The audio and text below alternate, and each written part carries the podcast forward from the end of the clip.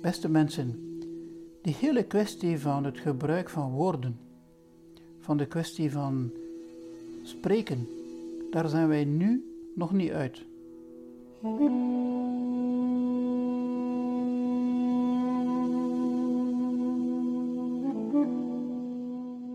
De volgende vers van meester Tozan hamert daar nog eens heel duidelijk op en doen me denken aan die beroemde uitspraak van de Oostenrijkse filosoof Wittgenstein. Waarover men niet spreken kan, daarover kan men niet anders dan zwijgen. En toch spreken we. Toch spreken en schrijven de dichters. Zij weten beter. Eigenlijk had Wittgenstein ongelijk.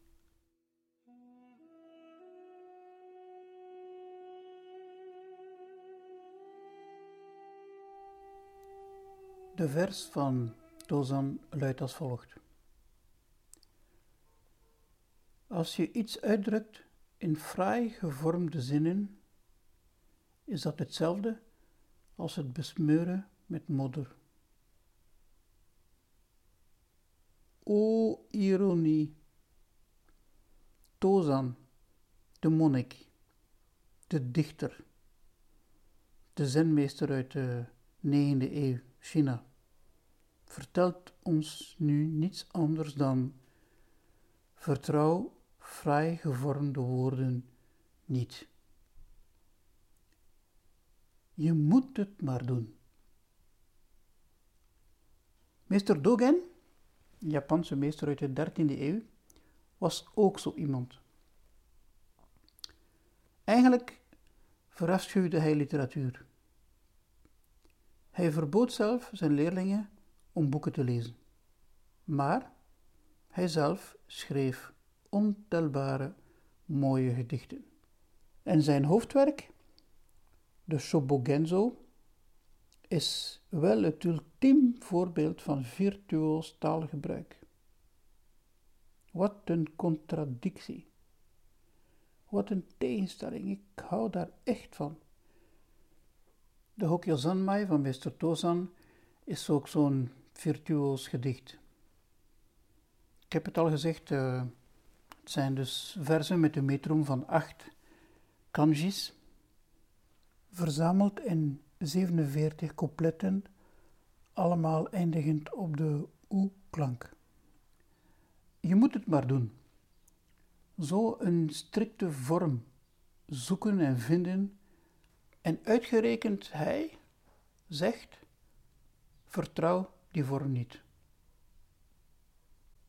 Vertrouw het niet, omdat je eigenlijk al aan het besmeuren bent, aan het bekladden bent.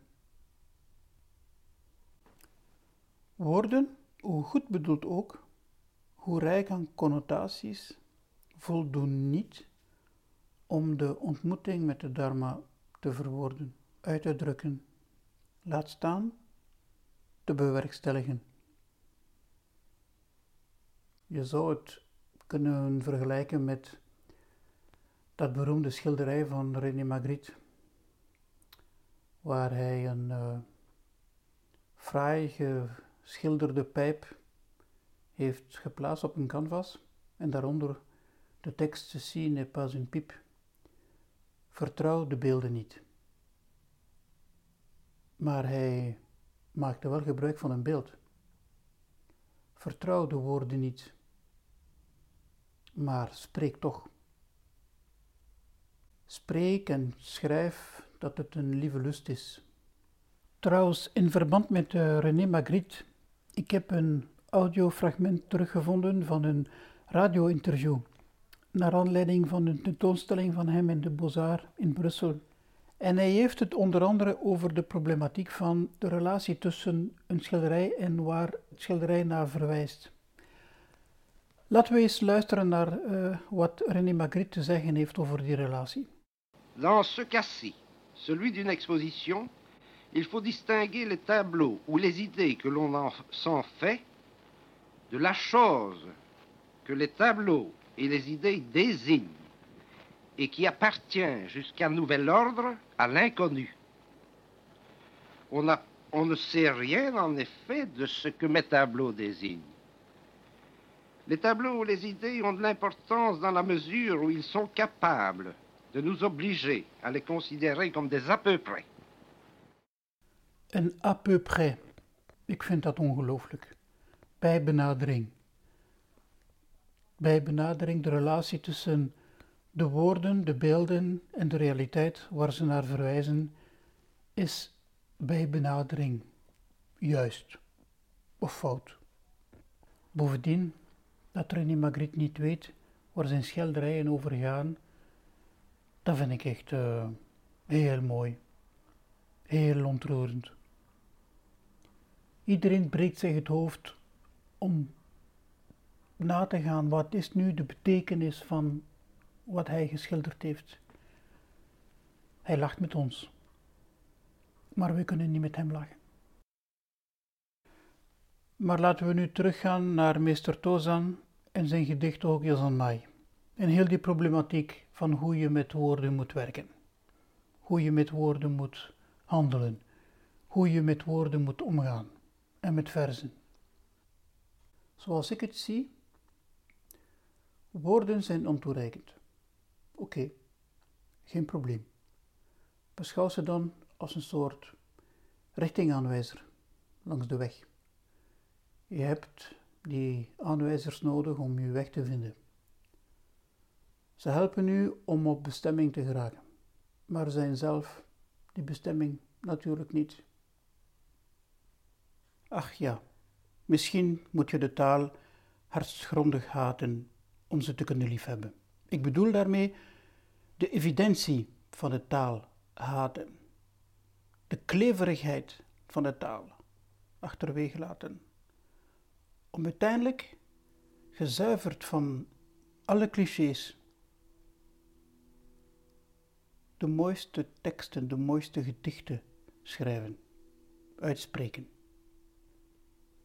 Om eigenlijk het vuur van de taal gaande te houden.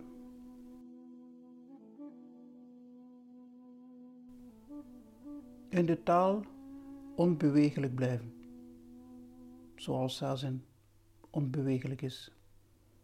De onbewegelijke meditatiehouding, maar die waar de geest het meest dynamisch is, het meest open.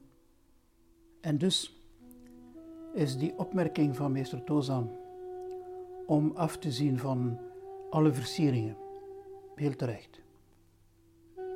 We moeten ons niet bezighouden met decoratie, met verfijnde taal, met verfijnde taal, goocheltrucjes om de mensen bezig te houden. We moeten naar het, naar het hart gaan, het hart van de Dharma, en deze tot uitdrukking brengen.